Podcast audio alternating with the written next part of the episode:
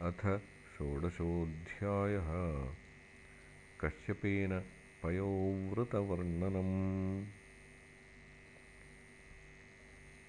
श्रीशुक उवाच एवं पुत्रेषु नष्टेषु देवमातादितिस्तदा हृते त्रिविष्टपे दैत्यैः पर्यतप्यदनाथवत् एकदा कश्यपस्तस्याश्रमं भगवानगात् निरुत्सवं निरानन्दं समाधेर्विरतश्चिरात् सपत्नीं दीनवदनां कृतासनपरिग्रहः सभाजितो यथा न्यायमिदमाह कुरूद्वः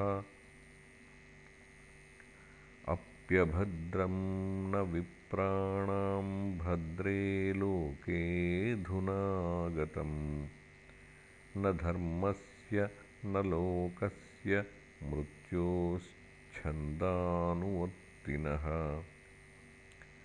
अपि वा कुशलं किञ्चिद्गृहेषु गृहमेधिनि धर्मस्यार्थस्य कामस्य यत्र योगो ह्ययोगिनाम् अपि वातिथयोऽभ्येत्य कुटुम्बासक्तया त्वया गृहादपूजिता याताः प्रत्युत्थानेन वा क्वचित्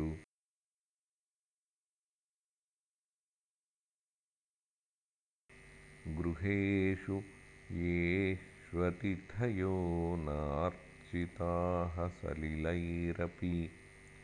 यदि निर्यान्ति ते नूनं फेरुराजगृहोपमाः। अप्यग्नयस्तु वेलायां न हुताः विशासति त्वयोद्विग्नधिया भद्रे प्रोषिते मयि कर्हिचित्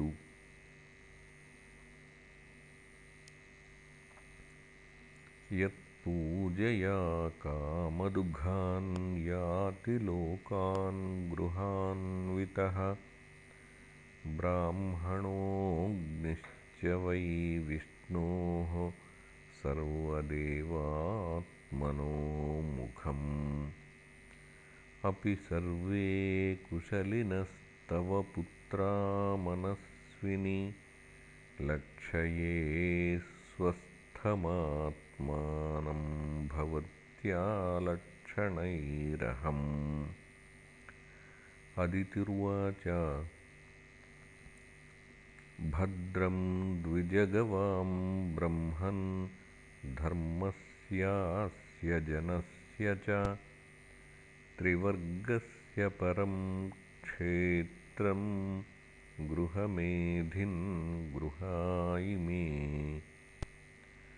अग्नयोतिथयो भृत्या भिक्षवो ये च लिप्सवः सर्वं भगवतो ब्रह्मन्ननुध्यानान्नरिष्यति।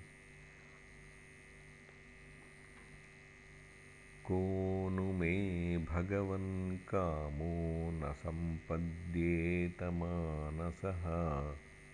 यस्या भवान् प्रजाध्यक्ष एवं धर्मान् प्रभाषते तवैव मारीचमनःशरीरजाः प्रजा इमाः सत्त्वरजस्तमोजुषः समूभवांस्तास्वसुरादिषु प्रभो तथापि भक्तं भजते महेश्वरः तस्मादीश भजन्त्या मे श्रेयश्चिरन्तनीयान् चिन्तय सुव्रत हृतश्रियो हृतस्थानान्। सपत्नैः पाहि नः प्रभो। परैर्विवासिता साहं मग्ना व्यसनसागरे। ऐश्वर्यं श्रीर्यशः स्थानं हृतानि प्रबलैर्मम। यथा तानि पुनः साधो प्रपद्येरन्ममात्मजाः तथा विधेहि कल्याणं धिया कल्याणकृत्तम। श्रीशुक उवाच। एवमभ्यर्थितोदित्याकस्तामाहस्मयन्निव अहो मायाबलं विष्णोः स्नेहबद्धमिदं जगत्। क्व देहो भौतिको नात्मा क्व चात्मा प्रकृतेः परः कस्य के पतिपुत्राद्या मोह एव हि कारणम्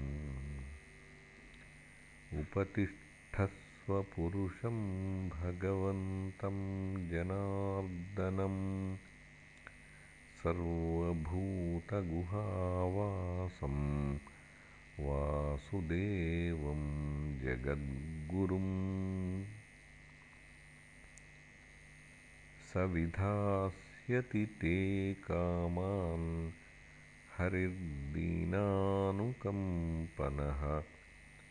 अमोघा भगवद्भक्तिर्नेतरेति मतिर्मम अदितिरुवाच केनाहं विधिना ब्रह्मन्नुपस्थास्ये जगत्पतिं यथा मे सत्यसङ्कल्पो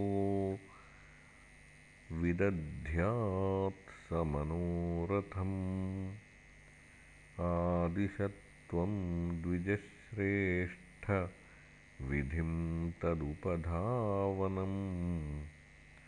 आसु तुष्यति मे देवः सीदन्त्याः सह पुत्रकैः।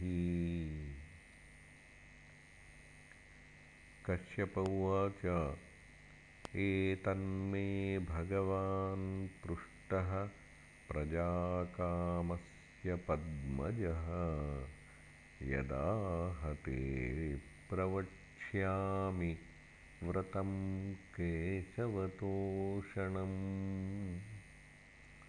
फाल्गुनश्यामले पक्षे द्वादशाहं पयोव्रतः अर्चयेदरविन्दाक्षं भक्त्या परमयान्वितः। सिनीवाल्यां मृदालिप्य स्नायात्क्रोडविदीर्णया यदि लभ्येत वै स्रोतस्येतं मन्त्रमुदीरयेत् त्वं देव्यादिवराहेण रसायाः स्थानमिच्छ उद्धृतासि नमस्तुभ्यं पाप्मानं मे प्रणाशय।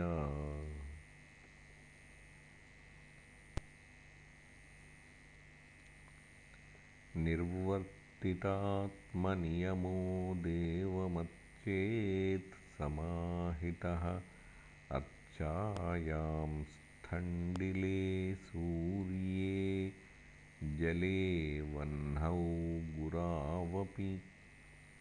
नमस्ते नमस्तुभ्यं भगवते पुरुषाय महीयसे सर्वभूतनिवासाय वासुदेवाय साक्षिणे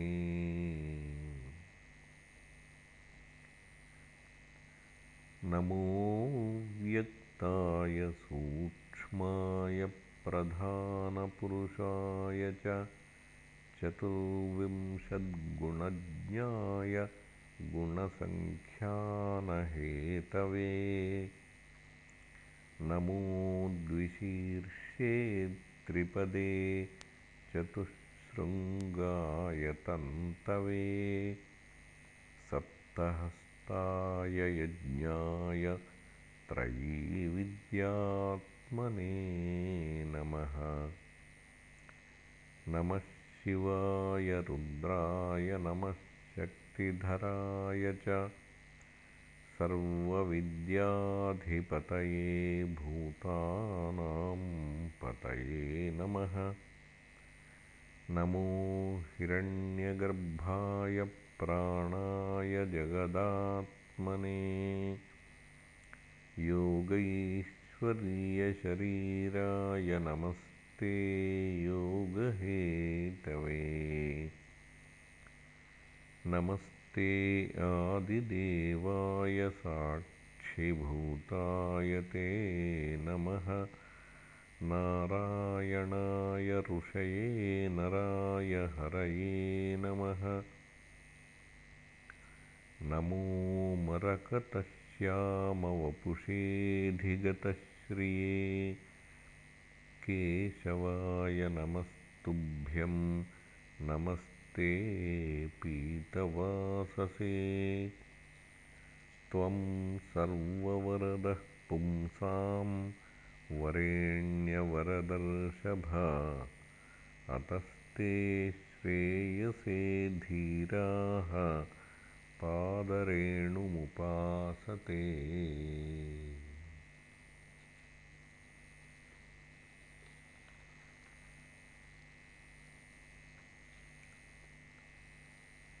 अन्ववर्तन्तयं देवाः श्रीश्च तत्पादपद्मयोः स्पृहयन्तैवामोदं भगवान् मे प्रसीदताम्।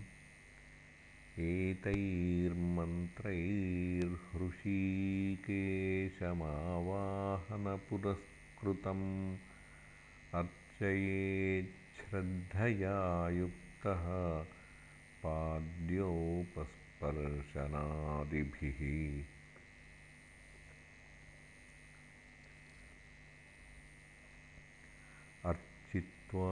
गन्धमाल्याद्यैः पयसा स्नापयेद्विभुं वस्त्रोपवीताभरणपाद्योपस्पर्शनैस्ततः गन्धपुष्पादिभिश्चार्चेद्द्वादशाक्षरविद्यया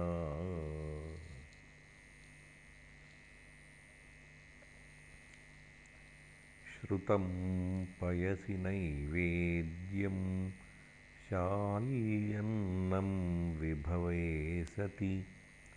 ससर्पिः सगुडं दत्त्वा जुहुयान्मूलविद्यया।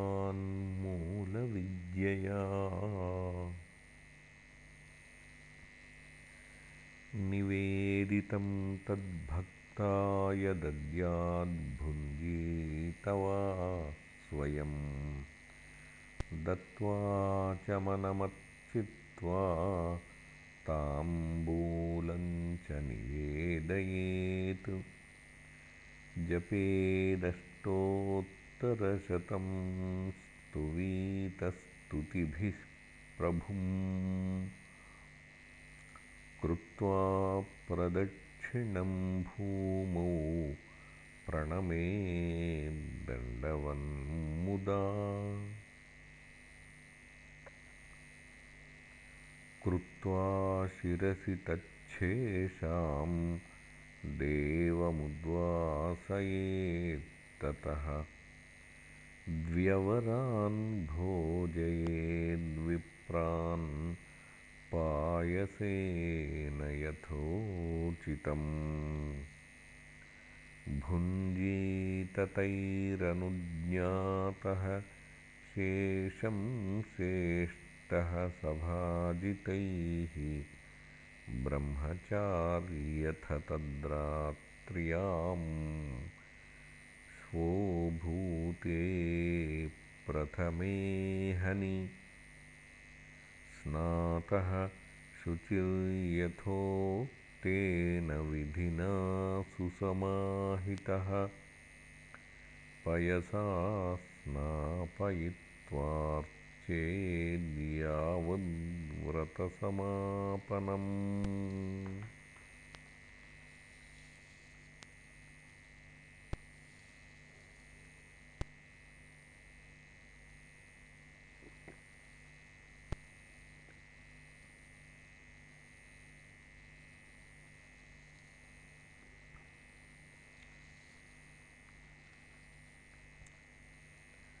पयोभक्षो व्रतमिदं चरेद्विष्ण्वर्चनादृतः पूर्ववज्जुहुयादग्निं ब्राह्मणांश्चापि भोजयेत्।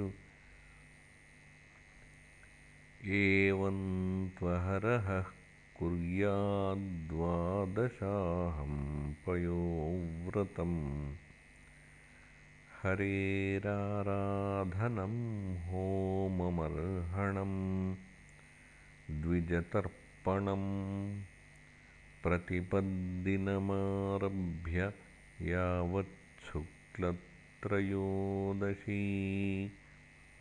ब्रह्मचर्यमधःस्वप्नं स्नानं त्रिशवणं चरेत् वर्जयेदसदालापं भोगानुच्चावचांस्तथा अहिंस्रः सर्वभूतानां वासुदेवपरायणः। त्रयोदश्यामथो विष्णोः स्नपनम् पञ्चकैर्विभोः कारयेच्छास्त्रदृष्टेन विधिना विधिकोविदैः पूजाञ्च महतीं कुर्याद्वित्तशाठ्यविवर्जितः चरुं निरूप्यपयसि शिपिविष्टाय विष्णवे। सूक्तेन तेन पुरुषं यजेत सुसमाहितः। नैवेद्यं चातिगुणवद्दद्यात्पुरुषतुष्टिदम् आचार्यं ज्ञानसम्पन्नं वस्त्राभरणधेनुभिः तोषयेदृत्विजश्चैव तद्विद्याराधनं हरेः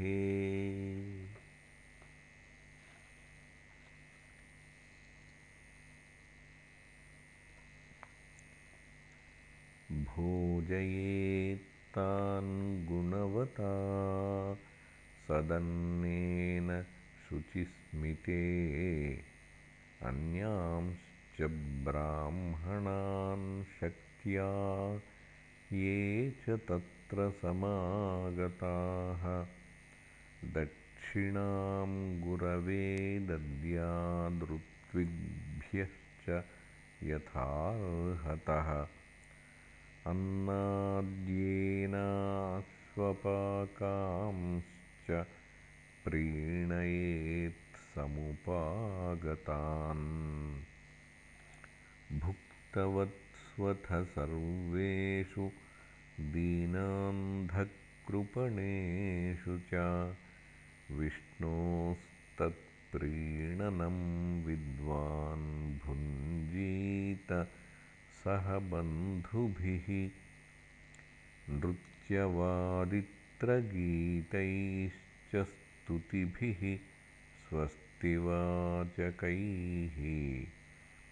कारयेत्तत्कथाभिश्च पूजां भगवतोऽन्वहम्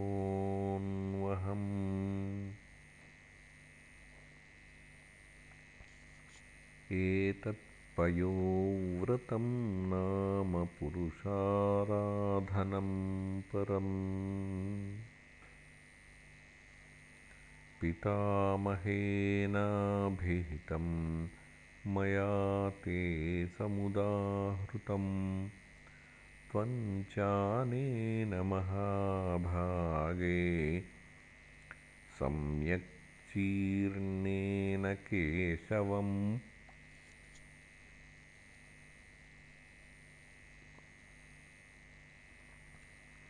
आत्मना शुद्धभावेन नियतात्मा भजाव्ययम्।